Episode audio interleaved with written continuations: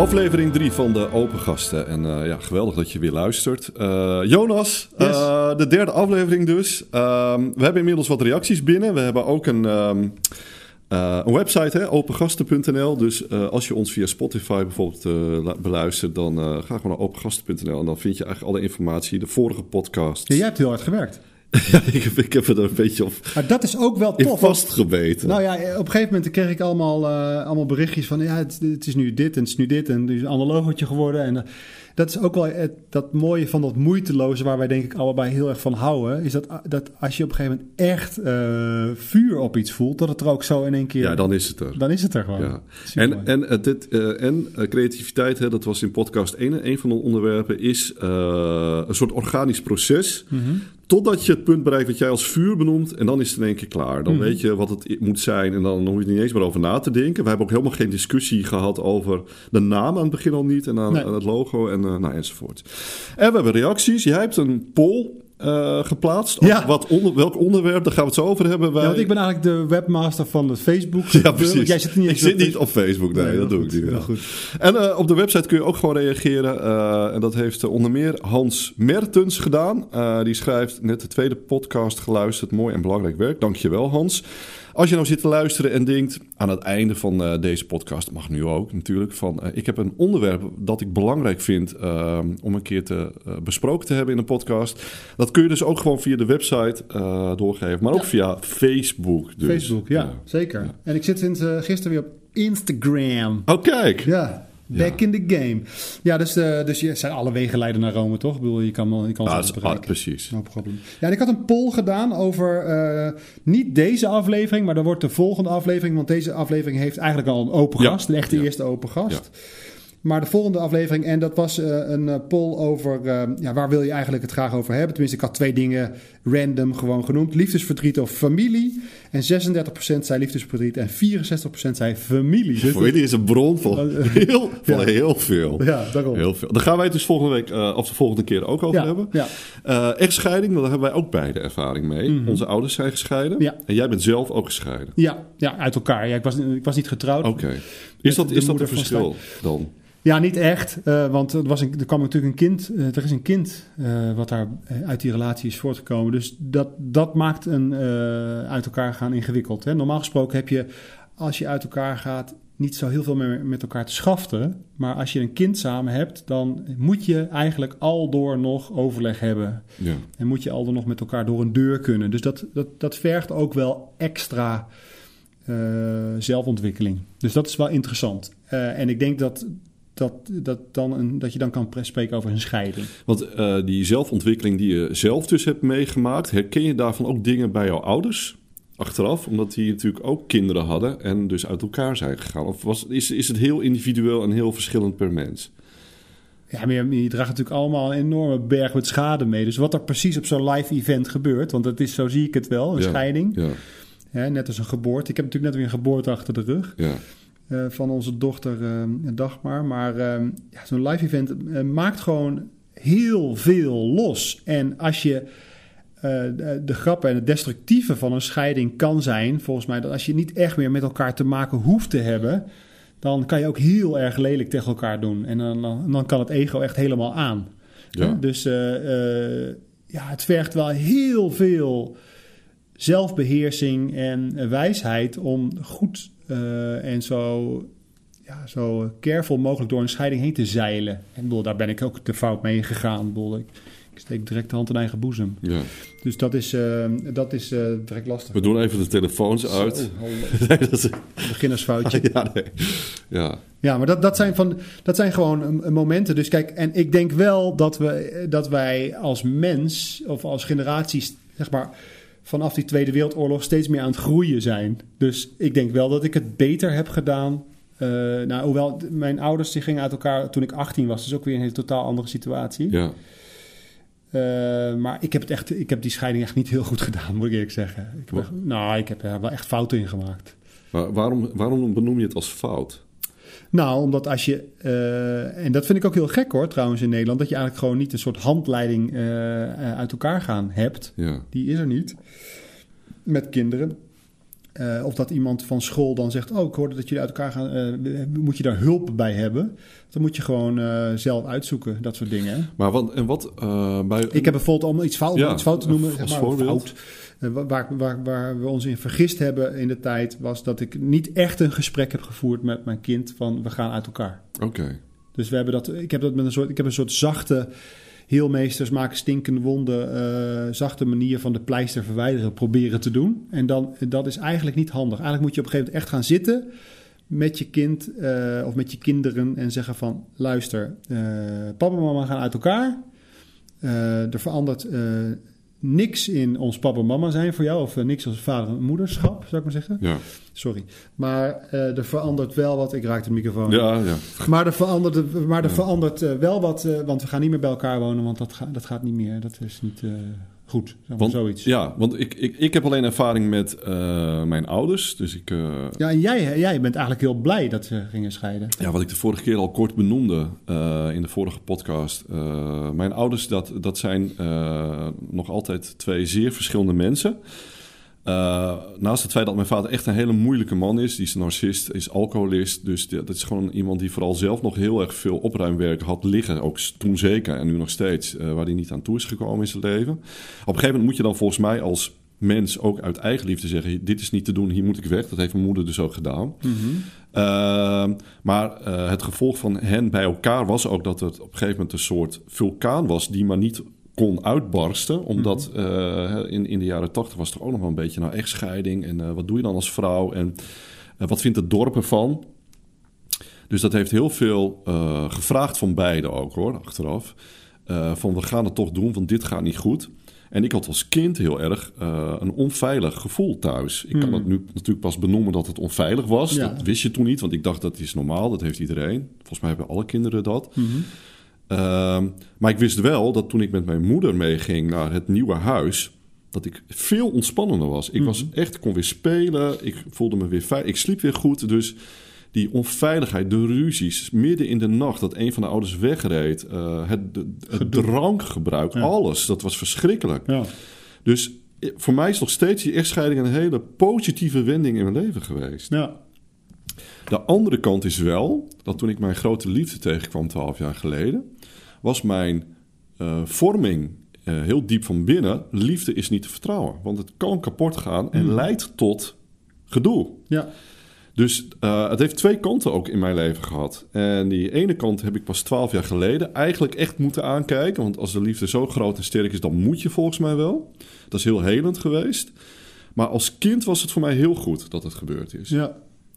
Nou ja, en, en, en, en ik ben er nog steeds heilig van overtuigd dat, dat het leven gaat echt zoals het gaat. Dus het is ook elke keer, ja, tussen aanhalingstekens, de bedoeling hè, dat je schade oploopt. Dus eh, gun je kind ook zijn schade. Ja, om, ja, ja. Want uiteindelijk is het natuurlijk dit, die zoektocht eh, met die, eh, met die, met die barsten uit je jeugd, zeg maar, die zorgt er ook voor dat je nu bent wie je bent en dat je je talent hebt ontwikkeld en dat soort zaken, Ja. toch? Of niet? Nee, nou, ik weet niet of ik het daarmee eens ben.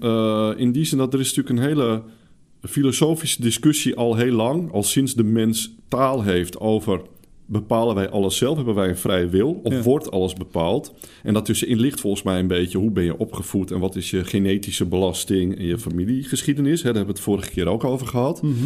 Dus volgens mij zit het een beetje op alle drie de vlakken. Dus een, een deel heeft volgens mij keuze. Hè, wat jij ook zegt, van ik had, je, je- nou, in zo'n scheidingsproces kun je be- proberen de schade te beperken voor het kind bijvoorbeeld. Mhm. Eh, dus je kunt een kind niet volgens mij, of wel, maar moedwillig zoveel mogelijk belasten, zodat het maar een zo eh, sterk mogelijk, mogelijke levensles heeft. Nee, nee. Nou goed, dus daar, voor mij is het, het is niet een dogma van één van die dingen. Volgens mij is het gewoon een combinatie van heel veel dingen, eh, van balanceren op vrije wil en waar je geen keuze hebt, moet je accepteren. Een beetje daartussenin. Dat Mhm. Ja, is ja. het volgens mij. Kijk, ik bedoel, we zitten nou eenmaal wel in deze game, hè, in dit spel. Dus dat moet je zo goed mogelijk spelen. Dus binnen dit spel, wat het leven is, doe ik zo goed mogelijk mijn best Ja, om mijn kind zo, zo min mogelijk te belasten met mijn eigen crap. En, Ja. eh, en, da- en dat zo netjes mogelijk te doen, zodat hij zo veilig gehecht mogelijk de wereld in kan gaan om zichzelf zo eh, mooi mogelijk te kunnen eh, ontwikkelen, zodat hij zoveel mogelijk voor deze planeet kan doen. Zo'n soort Ja. van routetje.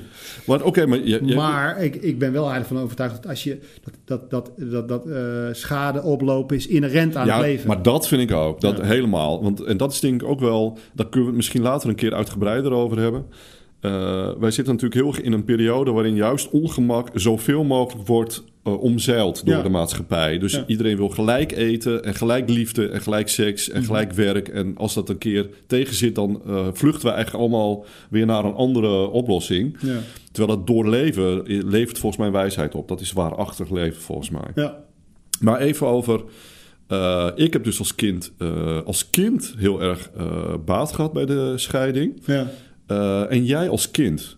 Nou, ik was 18 Ja, je was al iets ouder. Ik was 11. en ehm, ik denk eh, dat, eh, dat ik heel erg spanningen ook heb, heb meegemaakt in mijn jeugd. Dus, Ja. dus veel spanningen thuis. Van, ja, van, mijn ouders hadden ook crisis, noemen ze dat dan. Ja. Dus er was een tijden van crisis. Dat kon ook een paar weken zijn. Dus dan was er ook, eh, werd er ook periodes niet gesproken met elkaar en zo. Oh, Ja, het is wel heftig hoor. ja. En, eh, en ik, wat ik daar meeneem nu aan schade en wat ik nu wil oplossen en waar ik zeg maar bewust eh, onbekwaam, soms bewust bekwaam in ben, is dat ik, eh, eh, dat ik elke keer denk, ja, het gaat toch kapot. Oh, het gaat toch kapot. Uiteindelijk maakt Ja, alles kapot. ja, dat zit er eigenlijk maar in mijn systeem. En, ehm, eh, en ik, als kind dacht ik dat scheiden het allerergste was wat er was. Oh, oké. Dus, eh, hè, dus, eh, Ja. zeg maar, dus zeg maar, het zwaard van Damocles van zo'n scheiding... wat dan boven, boven zo'n huis, zo'n hu- huishouden zwaait... Ja. dat heb ik altijd wel gevoeld. En ook wel gevoeld van, oh ja, dat is, dat is echt wat ik niet wil. Ik hoop echt dat ze bij elkaar blijven. En dat hebben ze dus met man en macht gedaan, maar... Waar kwam die hoop vandaan? Want, ja, omdat, jij, eh, omdat er ook crisis waren. Dus had jij niet ergens in eh, die periode ook zoiets van... omdat er een crisis is, is het misschien beter dat ze niet bij elkaar zijn? Omdat je dus, wat je, je benoemt ze heel een hoop van het moet bij elkaar blijven. ja, Maar, ja, gek hè? Ik weet ook niet waar dat vandaan komt. nee, maar het kan zijn dat bijvoorbeeld ouders dat op hun kinderen projecteren van Ja, eh, dat we moeten het proberen. Dat denk ik wel. Ik denk, ik denk ook dat. Ja, dat zeg. Ja, ik weet niet dat het dogmatisch is of iets dergelijks. Maar in ieder geval dat, dat, dat er. Dat, dat, zeg maar, de boodschap die er in mijn jeugd ook wel gewoon uitgedragen werd. was dat je gaat niet uit elkaar. Dat moet je niet doen. Dat is Ja. niet goed voor kinderen. Of dat je ouders horen bij elkaar. Of je moet een vader en een moeder hebben. Of wat dan ook. Ja, ik zet even de microfoon iets Ja. beter. Ja. Ehm, eh, dus, dus dat was wel zeg maar bij ons de.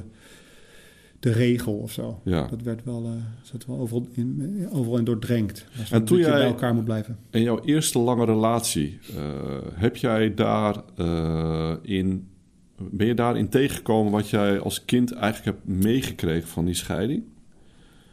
Weet ik niet. Mijn, mijn, de, de relatie waar een kind uit is gekomen. Ja, Ja, dit- het is eigenlijk, dat is best wel weird. Maar dat is, ik denk dat je gewoon een soort copy-paste doet ook van een relatie die je hebt gezien bij je ouders. ja, ja. Dus eh, ik heb eenzelfde soort relatie gehad, alleen dan korter. Oh ja, En ja, daar ben ik eh, sneller mee gestopt. ja.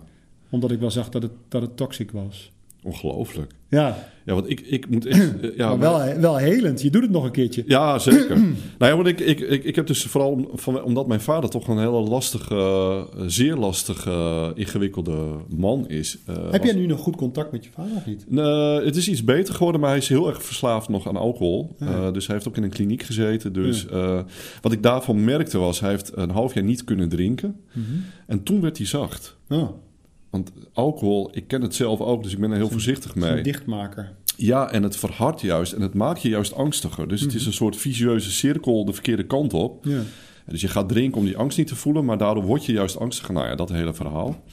Eh, en toen hebben we het gewoon heel gehad over sensitiviteit en creativiteit. Dat zijn onze twee grootste talenten, denk ik. Van Ja. mijn- zowel mijn vader als ik. En ik ben heel blij dat ik me dus daar nu bewust van ben en dat goed kan inzetten in mijn leven. En hij niet. Ja. Eh, hij herkent het wel, maar ik denk dat het te diep in zijn systeem zit om te vluchten naar die voor hem veilige hechting van alcohol. Om daar Mhm. ooit nog uit te komen. Dat was zijn vriend. Ja, dat is zijn veiligheid. Ja. Terwijl het uiteindelijk natuurlijk een, een, ja, een slechte... Sloper is. Ja, precies. Ja. Ja. Ehm, en wij hebben dus eh, iemand gevonden die ook over echtscheidingen wilde spreken. in onze open gasten. Ja, ja die meldde zichzelf aan. Ja, Dat was heel, dat was heel grappig. Die was er ineens, eh, eh, Iris. dat is heel mooi. Iris heet ze Ja. inderdaad, ja. Eh, en Iris heeft dus ook ervaring, eh, zowel in haar relaties als eh, de- het kind van gescheiden ouders. nou, zij, zij, eh, haar ouders gingen uit elkaar. Haar ouders kregen allebei weer een nieuwe relatie. En die gingen allebei weer uit elkaar. Ja, En zij is nu eh, eh, stiefouder in een samengesteld gezin. Dus zij eh, eh, is medeopvoeder ehm, van de kinderen van ehm, eh, haar nieuwe partner. ja, Van haar partner. ja. En eh, jij hebt met haar gesproken. Yes. Ik zit, eh, ik zit hier met Iris. Ja, Iris, wat is je achternaam ook weer? Uffen. Uffen. Eh, jij bent een soort scheidingsdeskundige eigenlijk, omdat je zo vaak dat die stap hebt meegemaakt. Hè? Ja, ik heb hem drie keer meegemaakt. Ja, precies. Eh, wat, zijn, wat zijn nou vanuit, vanuit, eh, vanuit jouw eigen, vanuit jouw wereld de, de belangrijkste dingen die je, stel je voor je zit luisteren en je, zit- je hikt tegen zo'n scheiding aan. Of wat zijn dan die dingen die je, die je moet meenemen volgens jou? Nou, ik denk een van de belang, misschien is dat wel het belangrijkste punt, is dat je heel goed moet kijken naar wat die scheiding bij je oproept aan je eigen pijn. Want ik denk dat een scheiding, dat is een gelegenheid bij uitstek om je eigen pijn uit te gaan smeren over andere mensen. En dat doe je niet expres, denk ik. Ik denk dat als jij zelf pijn hebt van zo'n scheiding, dan is dat ook gewoon als je daar overmand wordt. Of eh, Ma- Margriet Kalverboer, dat is de kinderombudsman. Ik weet niet of je haar kent. Nee, ken ik niet. Maar zij, eh, zij noemt dat blindheid ook. Mhm. Dat in, eh, als er een conflict is in echtscheiding, dat mensen dan verblind worden door hun eigen emoties. En ik denk ook, ik geloof ook echt dat mensen dat niet expres doen. Nee.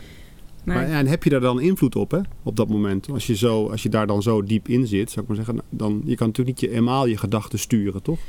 Nee, en wat je niet kan, dat kan je niet. Nee. En, en dat vind ik een hele lastige vraag. Maar goed, als je naar deze podcast hebt geluisterd, dan ben je alweer wakker geworden natuurlijk. Dus dan, heb je, dan, heb je, dan weet je dat. Dus dan, op dat moment moet je weten dat je niet helemaal in je eigen drama moet gaan marineren, als het ware. Ja, je drama marineren inderdaad. Ja. ja, ik denk dat het heel belangrijk is dat je gewoon vaak reflecteert van wat is, wat is nou mijn eigen pijn? Ja. Wat ligt bij mijn partner en wat ligt bij mijn kinderen? Bij je ex-partner dan in dat, in dat geval. Ja, bij de ex-partner inderdaad. Ja, ja klopt. Ja. Ja, en wat ligt bij de kinderen en ook met familieleden die je daarin betrekt. Van, eh, ja, dat je daar goed over nadenkt van hoe je je pijn kanaliseert eigenlijk en bij jezelf houdt. En ik denk ook, ik geloof ook dat als je dat doet, dat je dan ook sneller door die pijn heen gaat. Ja. Omdat je, ja, als je er geen aandacht voor hebt, dan verdwijnt het ook niet. Nou, dit, is, dit gaat heel erg over je eigen proces natuurlijk, hè, Mm. binnen zo'n scheiding. Maar, de, maar goed, je was daar natuurlijk ook als kind eh, in betrokken. Ja, Eh, ik, heb, ik heb bijvoorbeeld, bij, toen ik uit elkaar ging met, eh, met de moeder van mijn oudste zoon, Mm. heb, heb ik, heb ik niet het, ben ik niet het gesprek aangegaan met hem daarbij. Mm. Dat, dat klinkt heel erg suf, want het is, eh, ik denk dat als je het één keer googelt, dat dat een heel belangrijk onder, onderdeel is. Ik was een zachte heelmeester Mm. ehm, en eh, ik heb die pleister er heel langzaam afgehaald. Mm. Dus ehm, ik ben nooit echt gaan zitten en heb gezegd, eh, luister, papa mama gaan niet meer bij elkaar wonen, maar Mm. eh, blijven altijd jouw papa mama. Dat is eigenlijk wat ik het liefste zou hebben gezegd. Ja, En ik heb daar nooit, ik bedoel, je krijgt daar ook geen eh, handleiding in of iets dergelijks van. Mm. Dit zijn de stappen die je, die je moet lopen. ja, klopt.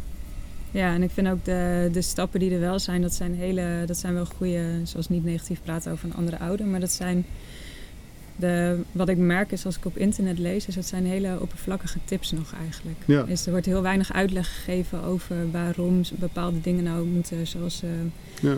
Zouden moeten en wat voor onderliggende eh, processen ook bij jezelf spelen en wat er bij zo'n kind speelt of kan spelen. Want niet ieder kind is hetzelfde natuurlijk, ieder, geen mens is hetzelfde. Mhm.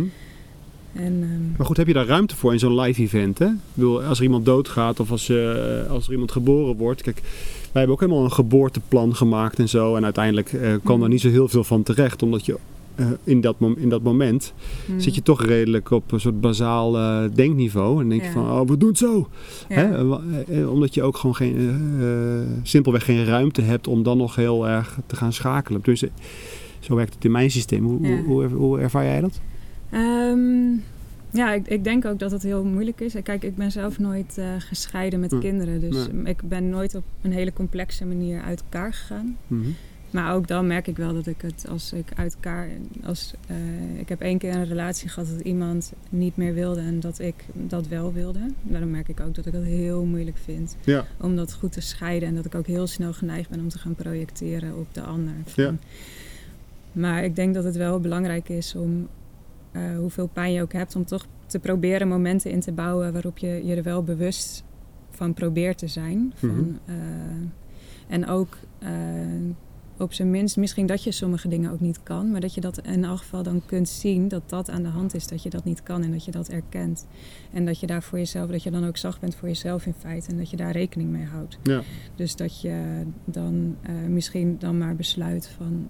Uh, dat je afstand neemt van je ex-partner op een bepaalde manier. Bijvoorbeeld als je dat niet zo goed aan kan, als dat, als dat veel emoties oproept. Mm -hmm. Of nou ja, wat je ook maar bedenkt. Of dat je uh, het dan misschien tijdelijk even niet over hem wil hebben. Hoe kan het nou dat we voor dit soort uh, dingen in, in het leven helemaal geen, uh, geen, dat we daar geen les in krijgen? Nou, dat vraag ik me, ja, dat, dat vraag ik me heel erg. Ik, ik zou dat heel belangrijk vinden dat wij meer emotioneel onderwijs krijgen. Is dat niet gewoon een soort van gat in de markt voor jou? Dat je, dat, dat je een soort scheidingswijzer is dat, die is er, dat klinkt heel bekend. Is die er niet? ja, voor zover ik weet niet. En ik uh, ben aardig uh, bedreven in het googlen en dat soort informatie. Dus ja. als hij er was, had ik het misschien wel geweten.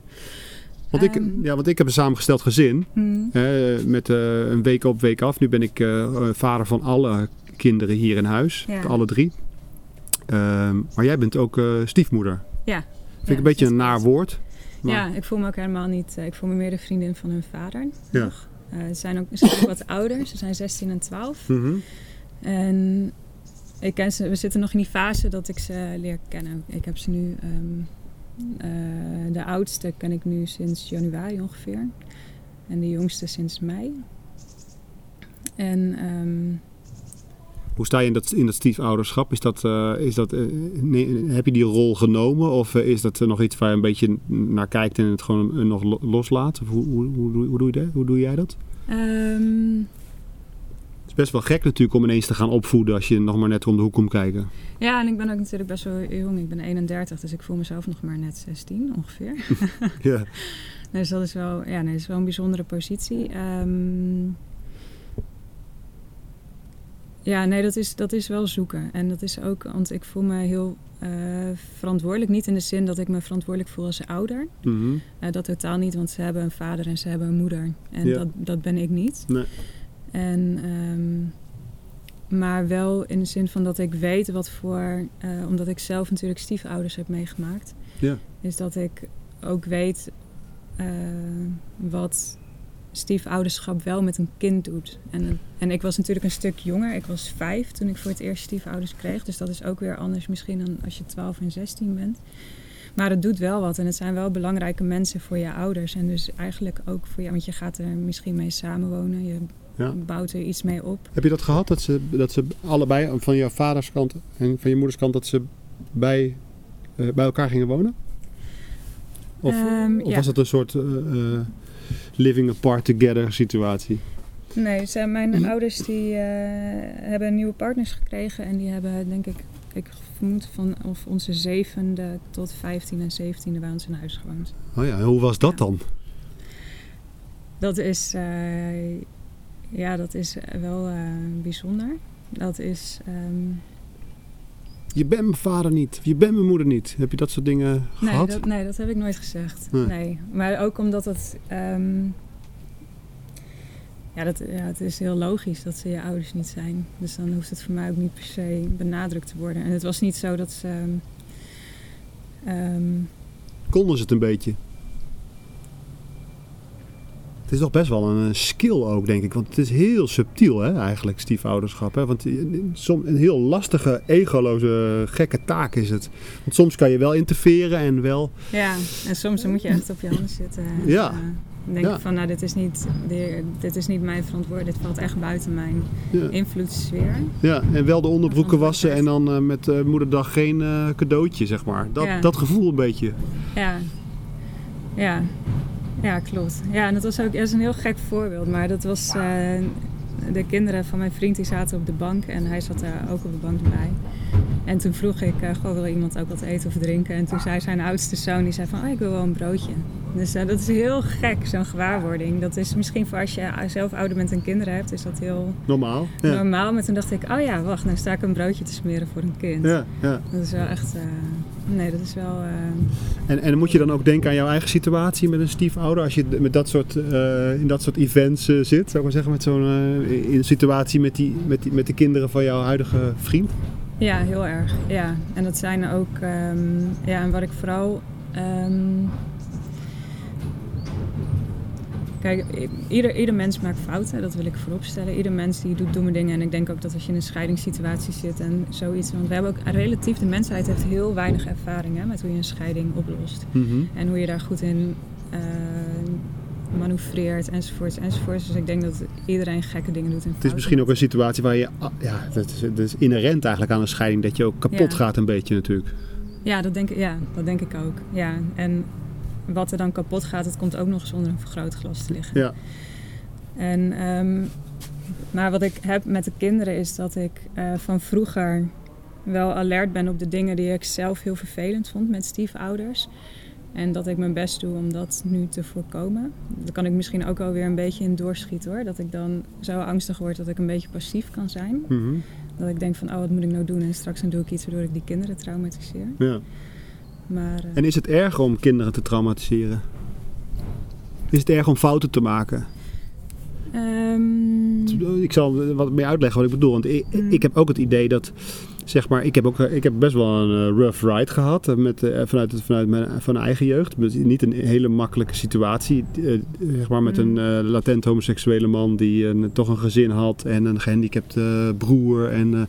vier kinderen en een heleboel gedoe. ja. Maar eh, het, zijn ook een beetje, het is ook een beetje het schuurpapier waaraan ik mezelf nu polijst, zou ik maar zeggen. Dus ik, ik, ben, Ja. ik, mag, hè, ik heb daardoor ook dynamiek in mijn leven. En daardoor Mhm. ook eh, heb ik me ontwikkeld en, eh, en ben ik gaan doen wat ik doe. ja. Maar goed, het- ja, dan ben je ook wel bevoorrecht met enige kunde in zelfreflectie, denk ik. ja, ja, dat zou kunnen. Ja. Je kan er ook je hele leven omheen lopen en gewoon alleen maar eh, eh, coping Ja.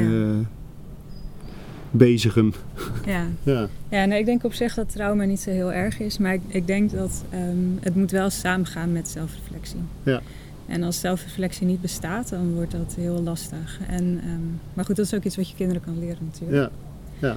En, en nee, ik denk op zich dat het niet, eh, niet heel erg is als je bepaalde dingen een verkeer doet. Ik denk dat, dat ik, maar dat is in iedere opvoeding, denk ik. Of je nou gescheiden bent of niet, je kan ook samen zijn en nog steeds dingen verkeerd doen. Om terug te keren even zeg maar, naar, de, naar, het, naar dat beeld van, eh, van, van jouw eigen stiefouders, die je dan Mhm. eigenlijk had aan allebei de kanten. Ja. Eh, wat hebben die dan eh, goed gedaan en wat hebben ze minder goed gedaan? Ehm, nou, ik denk dat ze wel, wat ze wel goed hebben gedaan is dat ze nooit echt een oude, een Oude, oude, rol? oude rol hebben Mhm. opgenomen. Eh, in de zin van dat ze zich heel bewust bemoeiden met eh, bepaalde opvoedingskeuzes. Of in elk geval niet dat ik me daar bewust van ben geweest. Misschien dat dat ook nog een verschil is. Mhm. En eh, wat zij ook, zij hebben nooit negatieve dingen gezegd over mijn ouders. Daar hebben ze nooit enig. nee, en altijd heel respectvol naar mijn ouders toe. Mijn, mijn stiefvader naar mijn biologische vader en mijn stiefmoeder naar mijn biologische moeder. Ja. Eh, daar heb ik nooit iets van meegekregen. Gingen ze ook Dat- wel eens samen een, biertje drinken om het Nee. over de kinderen te hebben? Nee. nee. Nee, nee, dat waren echt twee gescheiden. Ja, dus voor, voor mij is dat eigenlijk een soort ideaalbeeld. Hè? Van, eh, ik, ho- ik hoop echt eh, dat ik ooit nog een keer gewoon met een Mhm. hele toffe gozer die, die, de, die de nieuwe partner is geworden van mijn, eh, van mijn ex. Ja, Eh, dat ik met hem een biertje kan drinken. Kan zeggen, hoe is het nou eigenlijk? Hoe gaat het bij jou in jouw week? En eh, hoe is dat? Maar dat is, dat is, dat, soms zie je dat wel in hele emotionele Amerikaanse filmpjes dat het gebeurt. Dat ze Mhm. elkaar helemaal bedanken en zo. ja. Maar dat is niet iets wat jij ook kent. Nee, nou wel met, met de partners die ze nu hebben. Oké. Dat wel. En dat vind ik ook heel fijn Ja. dat ze dat hebben. Maar ik snap ook dat dat vroeger niet kon. En dat vind ik ook niet erg. Maar nu kan het wel. En ik moet zeggen dat ik dat wel heel erg waardeer. Ook bijvoorbeeld toen mijn opa overleed van mijn moeders kant, is dat mijn vader dan spreekt op de crematie.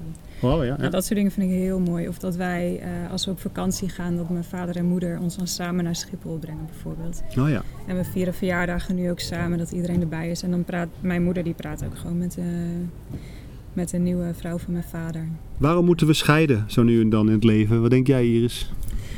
Ehm, Nou, dat toen ik, ik had het er gisteren toevallig over en toen deed ik een vrij gewaagde uitspraak volgens mijn gesprekspartner, maar ik ga hem toch doen. Ehm, ik denk heel vaak dat als je uit elkaar gaat met iemand, dat er iets stuk is in jezelf en dat je dat moet gaan helen. En dat dat niet meer lukt met je partner. Dus het gaat over jezelf al door. Eigenlijk is het het- thema van dit ja. gesprek is zelfreflectie. Hè? Mm. Dat je echt naar je eigenaarschap van je eigen crap. Ja, En dat je daarnaar moet kijken. En dus zie ik het zo goed. Dus dat je, je loopt eigenlijk een route, een pad. En daarin heb je een helper of een, eh, of, eh, eh, bepaalde schoenen die je goed passen. Mm. Dat is dan je partner. En op een gegeven moment dan komt er een nieuw thema of een nieuw hoofdstuk. En daar hoort dan ook weer een nieuwe partner bij. ja als het niet meer lukt met je, met je vorige partner, dan hoort daar een nieuwe partner bij, denk ik. En ik denk dat dat ook helemaal niet erg is en niet verkeerd. En niet, ik ben helemaal niet anti-scheiding, ondanks dat ik ze zo vaak heb meegemaakt. Ja. Moet je kinderen dat ook eh, leren op een goede manier? Ja, ik vind van wel. Ja, ik vind dat je kinderen moet leren dat ze uiteindelijk hebben zij. Ik vind het recht op zelfbeschikking vind ik eh, een heel groot goed. En ik denk dat het heel belangrijk is dat je kinderen dat leert. Dat je in beginsel vrij bent ja, dat je als begin- mens. Ja, klopt. En dat je je leven vormen geeft hoe jij dat wil. En als het niet meer lukt met je ex-partner, dat je die keuze mag maken. Mhm. En dat je dan weg mag bij iemand. En dat dat goed is. En dat je voor jezelf kan zorgen. Ja. Ik denk dat het een hele belangrijke les is voor kinderen. En ik denk ook juist dat dat met scheiding, dat dat iets is wat je kinderen kan leren. Want eh, in- eh, eh, we, we, komen natuurlijk uit een, eh, uit een wereld, eh, en die hebben wij zelf niet meegemaakt, maar waarin dat helemaal niet kon. Je kon niet Mhm. scheiden, je kon niet homoseksueel zijn, je kon, Ja. niet, eh, je, je kon van allerlei dingen niet. Ja, Maar goed, die wereld was ook veel kleiner. We hadden geen Tinder, we hadden geen eh, Mhm. internet, we hadden eh, al die dingen niet. Dus we, we hadden minder psychologisch inzicht. Dus misschien Ja. was het ook wel noodzakelijk, omdat we er anders sowieso een potje van gingen maken. Ja, precies. Ja, nou, dat is inderdaad. Ja, dus dus eh, is, het, is het een natuurlijk proces dat Mhm. scheiden eigenlijk bij, hè, Ja, bij ons leven is gaan horen, eigenlijk Mhm. misschien wel. ja, Ja. dat denk ik wel. Maar goed, het kan natuurlijk ook zijn dat je ineens toch de ware hebt ontmoet en dat je je hele leven bij elkaar blijft. Dat kan ook. Ja, ja, dat is wel grappig. Want ik denk daar, want op zich ben ik heel voor. Ik geloof niet in eeuwige trouw of eeuwig bij elkaar zijn. Maar ik merk toch dat nu bij mijn vriend, ik heb eh, ja, dan toch wel dat ik denk van nou, ik zou het wel heel mooi vinden als wij voor altijd bij elkaar blijven. Ja. Zo, zo voelt dat ook op het begin natuurlijk altijd heel erg. Hmm. Toch? Of niet? Ja. Of eh, loop ik nu als een olifant door je porseleinkast heen? Nee hoor, nee, zo voelt dat wel. Ja. Ja, en dat is, dat is natuurlijk ook eh, een beetje de kracht waar je het op moet doen natuurlijk. Want eh, Mm. de natuur is denk ik ook gemaakt om, eh, om zo lang mogelijk bij elkaar te blijven. Want dat is namelijk de meest eh, ve- veilige optie om in eerste instantie op te groeien. Ja. Ken je die zeven jaren, zeg maar de eerste zeven jaar en dan de tweede zeven jaar van een leven? Of eh, zeg maar dat die eerste zeven jaar heel belangrijk zijn? Ver- eh, Nee. laat- nee. Nou ja, goed, ja, ik weet niet, eh, de- mijn vrouw is daar beter in dan ik, maar Mhm. eh, die heeft daar meer over gelezen. Maar eh, het staat bij bij dat, dat, die, dat, die, dat het eigenlijk in zevenen komt. Dus ik weet niet of dat vrij school is of welke hoek dit is hoor. Hmm.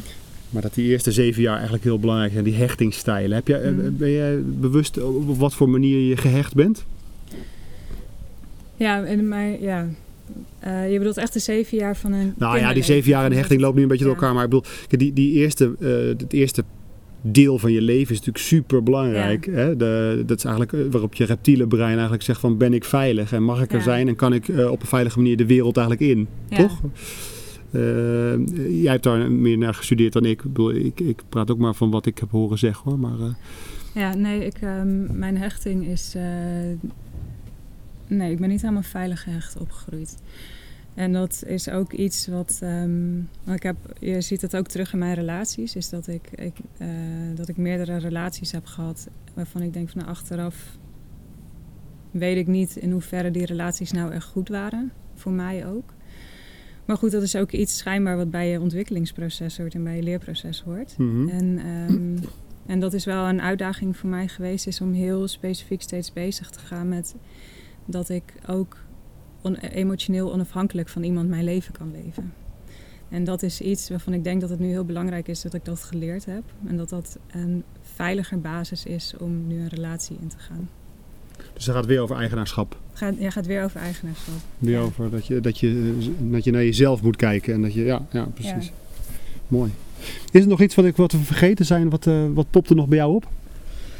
Ehm, nou, ik weet niet of jij zelf ook daar ben ik wel nieuwsgierig naar. Of jij zelf ook ziet eh, wat er voor jouw zoon uit je vorige relatie, of daar ook mooie kanten voor hem in zitten in die scheiding. Ja, zeker. Ja? Ja, zeker. Ja, hij heeft, ik vind eigenlijk, kijk, natuurlijk komt er, uh, komt er ook schaamte en schuld doorheen. En uh, mm. denk af en toe van, oh shit, je bent gewoon een gypsy die heen en weer gaat met een tas. En ik vind het helemaal heel verdrietig. Mm. Maar als ik hem daarnaar vraag, dan zegt hij, uh, wat bedoel je? ik zeg niet van, je bent een gypsy. Maar ik zeg gewoon van, hoe is het nou? Twee huizen. Soms ga ik dat even, even evalueren met hem. Mm. En dan zegt hij, ja, is gewoon normaal. Dat is gewoon normaal. Ja.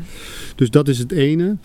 Uh, soms heeft hij wel dat hij, als hij hier heel lekker is ge, geland, als het ware, dat hij zegt: Oh, ik heb geen zin om uh, te wisselen. Maar mm. dat mhm. heeft hij aan de andere kant ook. Zeg maar. Ja. Dus dat heeft hij bij zijn moeder ook. Als hij daar heel lekker gaat, dan ja. uh, heeft, hij ook, ja. heeft hij ook niet echt zin om even te wisselen weer. Dan zit hij daar gewoon lekker in zijn hummetje. maar het rijke, om terug te komen op jouw vraag, is eigenlijk, of het mooie is eigenlijk, um, vind ik dat hij een gezinsleven krijgt waarin die waarin hij op de juiste plek in de roedel zit. Zeggen we altijd, je hebt toch een soort, soort, soort plek in de, in, de, in de boom waar je eh, eh, ja, een soort kind kan zijn. Tenminste, je hebt dus hier een man en een vrouw en broertjes. En, een broertje en een zusje nog erbij. Mm. En uh, toch, een, een, toch een soort uh, ritme in dit gezin waarin het gewoon relatief voorspelbaar gaat. En het is mm. eigenlijk een beetje, een beetje traag, maar dan, daarom wel lekker. altijd spelen hier, altijd dezelfde kinderen, altijd hutten bouwen. Naar oma lopen met de kippen. Het is allemaal heel uh. En hij heeft een moeder die heel uh, erop uitgaat. Mm. Dus die, hij gaat met zijn moeder uh, op, op, vliegvakantie naar, uh, ja. naar Gran Canaria. En ze gaan altijd naar actieve campings. En ze doen al da daar heel... en daar heeft hij ook een meer één op één. Dus daar is hij toch een wat volwassener iemand eigenlijk. Mm. Dus aan de ene kant is dat, is dat schakelen voor hem best wel een ding. Dus hij, ik merk ook wel in een, in een, in een uh, wisseldag, en dat is voor Bo bijvoorbeeld ook wel weer lastig. als stiefouder, dan, dan merk je eigenlijk, oh ja, nu zit hij nog best wel hoog in de roedel. Dus dan mm. is hij nog best wel in zijn volwassen hoek nog bezig. Met veel verbaal doet hij altijd heel veel. Uh, klet dan op, overal tussendoor. Als wij een gesprek hebben, ramt mm. hij er tussendoor als je dat, als je, wij, wij, wij, ik voer, probeer wel een relatief strak beleid te voeren hier. Hmm. waarin hij eigenlijk zo snel mogelijk weer hier op de juiste plek komt. Zodat hij kan ontspannen. Ja. En dan uh, gaat hij daar ook een beetje in gedijen. Dus dan kan hij daar een beetje in marineren, zeg maar. In, gewoon hmm. weer in het kind zijn. Dus dan merk je ook dat hij, ja, dat hij hier gewoon uh, wel weer uh, zijn plek heeft gevonden. En gewoon lekker gaat spelen en, mm. en het ook weet. Ja. Dus, dus dus rijkdom is eigenlijk heel breed, dat hij, dat hij een breed spectrum krijgt mhm. aangeboden. Dat vind ik heel rijk. En ik vind heel rijk dat hij leert om uh, te schakelen. Ja. Dus dit is hier de regel, dat is daar de regel. Ja. Dat vind ik heel rijk. Mm. Uh, en ik vind het rijk dat ik als vader ook uh, aan hem voordoe dat, dat je uit elkaar mag gaan. Mm. Hè, wat jij ook zegt. Ja. en dat ik nu met, met Bo ook aan hem kan laten zien hoe hoe je een vrouw moet liefhebben, zou ik maar zeggen. Hè? Dus hoe je, hoe je lief bent voor een vrouw. Dat, mm. dat, dat lukte niet meer zeg maar, in mijn uh, vorige relatie. Mm. Dus dat, is, uh, dat vind ik ook rijk. Dus hij groeit ook op met een mansbeeld, man- man- en vrouwbeeld, zeg maar, wat ik ja. relatief gezond vind. Ja, ik vind het wel mooi dat je dat rijk noemt, want dat is ook het gevoel wat ik erbij heb met okay. die scheidingen. Is dat het echt een verrijking is, dat je meerdere aspecten ziet van... Ja ja, want hoe, wat, wat, wat, heb jij meegenomen uit al die momenten van change die jij in je leven? Wat zijn dan de rijke dingen? Um, oh, zoveel. Om te beginnen. Nou, sowieso dat het heel belangrijk is om uh, goed na te denken over hoe je, hoe je in een relatie staat en hoe je met mensen omgaat. En dat je daarin echt naar jezelf moet kijken ook. En dat je uh, andere mensen ook los kan laten. En uh, ja, ik weet niet of dat zo heel duidelijk klinkt, maar ik. Um, dat je. Um, Nee, nee, nee, ik denk, nou, waar het, kort gezegd waar het op neerkomt, denk ik, is de, de verschillende soorten omgang met mensen, de verschillen die er zijn, de verschillende soorten mensen die je hebt en hoe je daar als eigen persoon in zit en hoe jouw karakter daar weer op reageert en hoe je bepaalde situaties interpreteert. En je krijgt gewoon een heel breed beeld eigenlijk van eh, soorten mensen en omgang met mensen. Ja. En ik denk dat daar een heel groot stuk verrijking in zit. Ja, precies. Dus en je kan. En, je kan goed schakelen met verschillende soorten mensen, verschillende soorten werelden als het ware. ja, ja, een soort flexibiliteit en openheid. Zou je kunnen zeggen van dat de natuur het zo regelt dat we steeds vrijer worden? En in Nederland is het natuurlijk een relatief eh, vooruitstrevend landje daarin, hè? redelijk feminien. Hè? Eh, Mm. eh, ehm, zijn we zijn steeds zachter aan het worden, denk ik. Tenminste, dat Mm. hoop ik. Dat, dat het ook, net als eh, geaardheid, dat het ook steeds normaler wordt om daarin te schakelen. En dat we daardoor een, een, een menssoort eh, op, de, op de wereld krijgen die daar die beter kan anticiperen, die beter naar zichzelf kan kijken. Dat soort, dat soort eh, hoeken, dat Ja. dat soort rijkdom met zich meedraagt. Ja, en dat denk ik wel. En ik denk ook dat het hand in hand gaat met ontwikkelingen, wat ik net noemde, bijvoorbeeld met eh, psychologie, dat we in dat soort dingen steeds verder komen, dus dat het ook kan. Ja. Het gaat ook mogelijk zijn. Het is ook niet meer nodig om mensen ergens in eh, vast te houden, omdat we nu weten wat er gebeurt als je eruit breekt. En Ja. dat je dan daar meer handvatten voor hebt. Dus ik denk dat het een heel natuurlijk proces is. Ja. En ik denk ook dat het heel belangrijk is dat mensen zich bewust zijn dat we uit zo'n dat we uit dat gedachtegoed komen. Dat het niet mag en dat je voor altijd bij elkaar moet blijven. Dat je Ja. voor altijd in een huwelijk moet blijven. Nou, bij ons kon het niet. Bij ons stond thuis kon het niet hoor. Hmm. En het was, het op een of andere manier is het ook, eh, eh, ik weet niet of ze dat daadwerkelijk gezegd hebben, mijn ouders, maar het was wel zo dat ik echt van ja, uit elkaar gaan, dat, eh, dat was het ergste wat er is. Ik heb er ook heel erg tegen opgezien altijd. Ik dacht altijd, Hmm. bij ons thuis waren er echt momenten, fases van enorme spanningen. Hmm. En dan, dat ik dan echt als kind ook dacht van ja, nu, eh, nu gaan ze uit elkaar. Het is de hel Ja. gewoon. Dit is echt het allerergste wat er kan gebeuren. Ja. ja, en voor iemand, want ik ben opgegroeid totaal niet met dat idee dat je, want er is zover, voor zolang ik weet zijn mijn ouders uit elkaar en Ja. bestaat dat. Dus ik heb dat, dat zit totaal niet in mijn systeem. Nee. Dat, dat je voor altijd bij elkaar moet blijven. En ik voel dat ook niet als een probleem. Nee, want ik kan me ook zelfs nog herinneren dat media-wise dat ook echt gecommuniceerd werd in films en in series en dergelijke over de, op televisie. Dat, het, dat kinderen altijd met scheiding altijd heel, eh, heftig, dat heel heftig vonden. En dat het heel Ja, ik, ik denk, slecht voor je was of weet ik wat. Of dat het heel zielig was in de klas.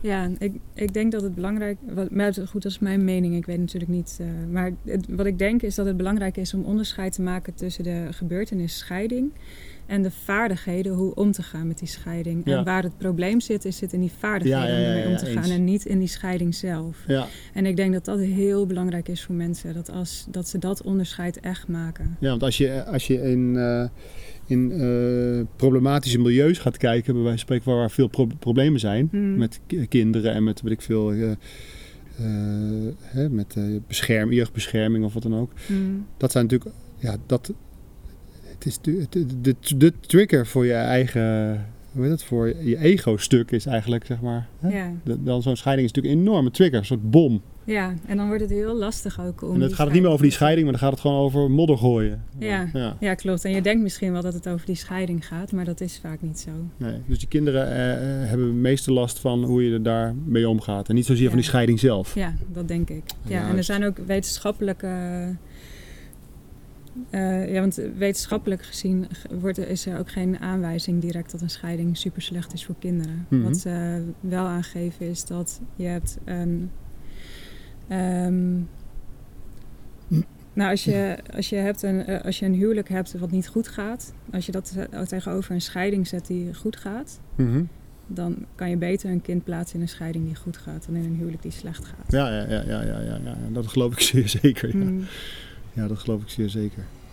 Hey, en je bent eh, ook nog eh, eh, een PhD aan het Ja, klopt. inkoppen. Ja, en dat heeft niks met dit te maken, maar ik moet zeggen, het is wel... Het gaat wel over communicatie, toch? Ja, het gaat over communicatie, het gaat over het begeleiden van professionele ontwikkeling van docenten. Mhm. Dus wat je net noemde over dat emotionele onderwijs, nou dat lijkt me prachtig om dat in het onderwijs ooit een keer te gaan doen. Ja. Ehm, maar dit gaat over het leren van leerlingen, dus dat, daar zit ook wel een emotioneel vlak aan natuurlijk.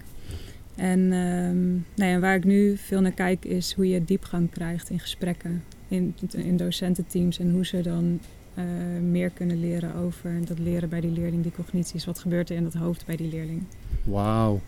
Ja, dat is iets. Ik, ik, heb, ik sta regelmatig, nou regelmatig, ik heb een aantal keer voor een club met leerkrachten gestaan. Uh, mm. om, uh, om te praten over het brein bijvoorbeeld, over reptiele brein, zoogdierenbrein, neocortex. Mm. Ken je dat verhaaltje of niet? Ja. Ik heb van, hè, van de veiligheid en het plezier en het doel eigenlijk. Ja, en ik heb jou een keer gezien. Nou, het was heel leuk bij de PhD Day. Oh ja, bij de PhD. Ja, ja precies. Ja, daar heb je me gezien. echt heel leuk, ja. Alleen dan, dan doe ik het ook wel afgestemd op, op bijvoorbeeld onderwijs. ja, daar is nog een enorm stuk winst te behalen, denk ik, of niet? binnen dat onderwijs. Want we hebben het hier helemaal niet over het onderwijs. We hebben het al over 1 plus 1 is 2. Waarom? Ja, klopt. Um, ja, dat vraag ik me wel eens af. Want ik denk dat dit heel belangrijk is. Maar goed, ik vind het zelf heel interessant. Ik weet niet hoe dat is voor mensen die dat niet interessant vinden en die daar niet bij stilstaan. Of dat een gemis is. Ik zou dat zelf wel een gemis vinden, maar dat is misschien ook projectie. Maar nee, ik denk dat het heel belangrijk is hoe je met mensen omgaat. En misschien ook juist, dat, dat noemde jij volgens mij in de eerste of de tweede podcast over die, uh, dat we nu niet meer bezig zijn met voedsel. Mm. Uh, voedsel vergaren. we zitten in de, in de, top van de piramide van Maslow in ieder geval. We ja. zijn bezig met onze eigen gelukzaligheid. Ja. ja. Ja. en daar heb je emotionele ontwikkeling bij nodig. Ja om dat uh, goed te krijgen. Ja, ja precies. Dus, uh, uh, dus daar is nog een, een, boel winst te behalen. En jij gaat met name bezig met hoe gaan leerkrachten met elkaar het gesprek aan? Ja, hoe gaan zij met elkaar het gesprek aan en hoe krijgen zij die diepgang over processen bij leerlingen die niet direct zichtbaar zijn? Oké. Die cognitie is dat leren van die leerling, hoe leren ze iets? En als je één uh, wetmatigheid zou mogen benoemen binnen zo'n gesprek, wat is daar dan een, een belangrijke, uh, belangrijke regel in? Wat moet zo'n gesprek bevatten, wil, die, wil je je doel behalen?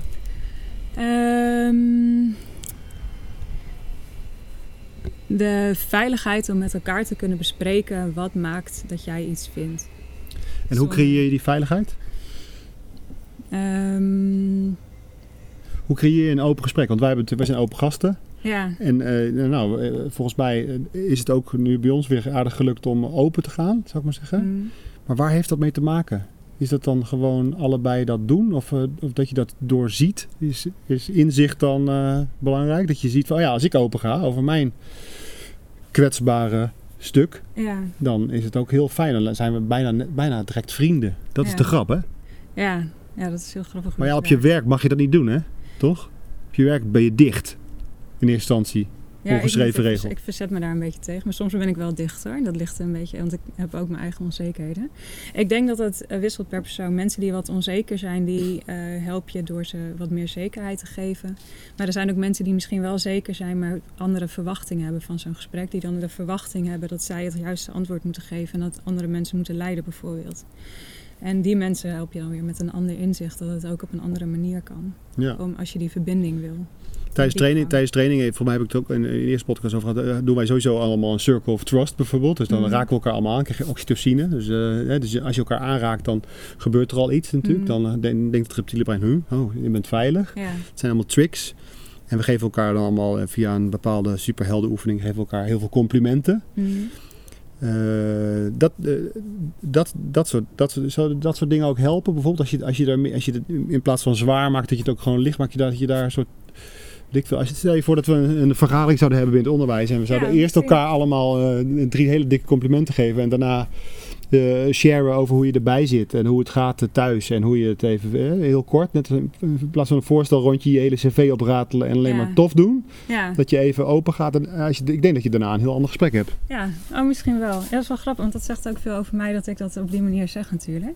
Maar ik ben, ehm, ik ben een denker, ik denk heel graag na. Mhm. En misschien dat inderdaad dat als je gewoon eens wat meer doet, Mhm. in feite, want dat is wat je zegt, Ja. gewoon maar doen. Ja. Dat dat ook prima zou kunnen helpen. Dan hoef je het er misschien niet eens over te hebben. Ja, ik zou wel zo'n club een keer eh, willen hebben. Mag ik een keer mee? Ja, voor mij wel. graag, lijkt me hartstikke Een leuk. keer kijken wat dat doet. En dan mag jij dat dan eh, zeg maar eh, op schrift Mm. kijken wat daar... Ja. Dan jij een participant eh, in mijn onderzoek. ja. precies. Ja. Cool. Ik vond het heel leuk dat je er was. En, en super dat je de, de moed had om, om het te mailen. En ehm eh dankjewel voor al je inzichten. Ja, ja, dankjewel. Ik vond het heel leuk. Iris Uffen. Yes. Mooi verhaal. En was het, leuk? het was een leuk gesprek. Het was bij aan de tafel buiten. Het was heerlijk. Ja, in, de, in, de, in de zon hebben we gezeten met Ja. elkaar. Nou, als je nou eh, eh, luistert en denkt, ik heb ook, echt een verhaal waarvan ik vind dat het gedeeld moet of mag worden, dan eh opengasten.nl. Op Facebook zijn we te vinden. En daar staat dus ook ja, voor, het volgende, voor de volgende aflevering de poll, hè, waar we het Ja, over kan, je, kan je nog op stemmen? Dat kan nu nog. En dat is lie- liefdesverdriet en... En familie. En, en ja. familie staat nu nog ruim voor. Dus waarschijnlijk wordt het familie, maar misschien gaat iedereen nu op liefdesverdriet. eh. Heb jij een mooi liefdesverdriet verhaal? Nee. Nee? Nee. Oh, dat wordt een hele korte pot. maar Nee, ik ben zoveel gedumpt in mijn leven. Oh nee, nee, ik heb wel. Nee, maar ik, ik was denk ik vroeger heel voorzichtig. Ehm, eh, en- ik heb dus niet echt een coming out gehad, omdat ik dat had niets met homoseksualiteit te maken, maar met dat ik mij dus onveilig voelde op liefdesgebied. Dat had ook maar met een vrouw kunnen zijn.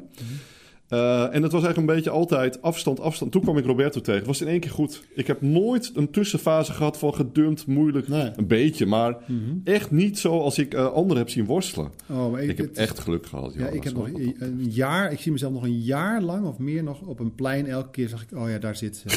Wat Daar mooi. zit ze. Ja, en dat, ja, Oh, maar echt, mooi. ja, ook, dan- ze had uitgemaakt en toen had mijn moeder gezegd, eh, ja, eh, jongens hebben ook gevoel, had ze tegen dat meisje gezegd. Nou ja, het was, eh, het is, ik heb genoeg drama in mijn leven gehad om aan te schuren. Ja, maar goed, misschien wordt het dus toch familie. Dan Ja, kunnen we ja. dit onderwerp Maar familie is natuurlijk een onderwerp waar, je, waar iedereen natuurlijk helemaal op gaat. Oh, helemaal. Ja. Dus, eh, dus laat van je horen als je zin hebt. Anders laten wij weer van ons horen in de volgende podcast van Open Gasten. Dag.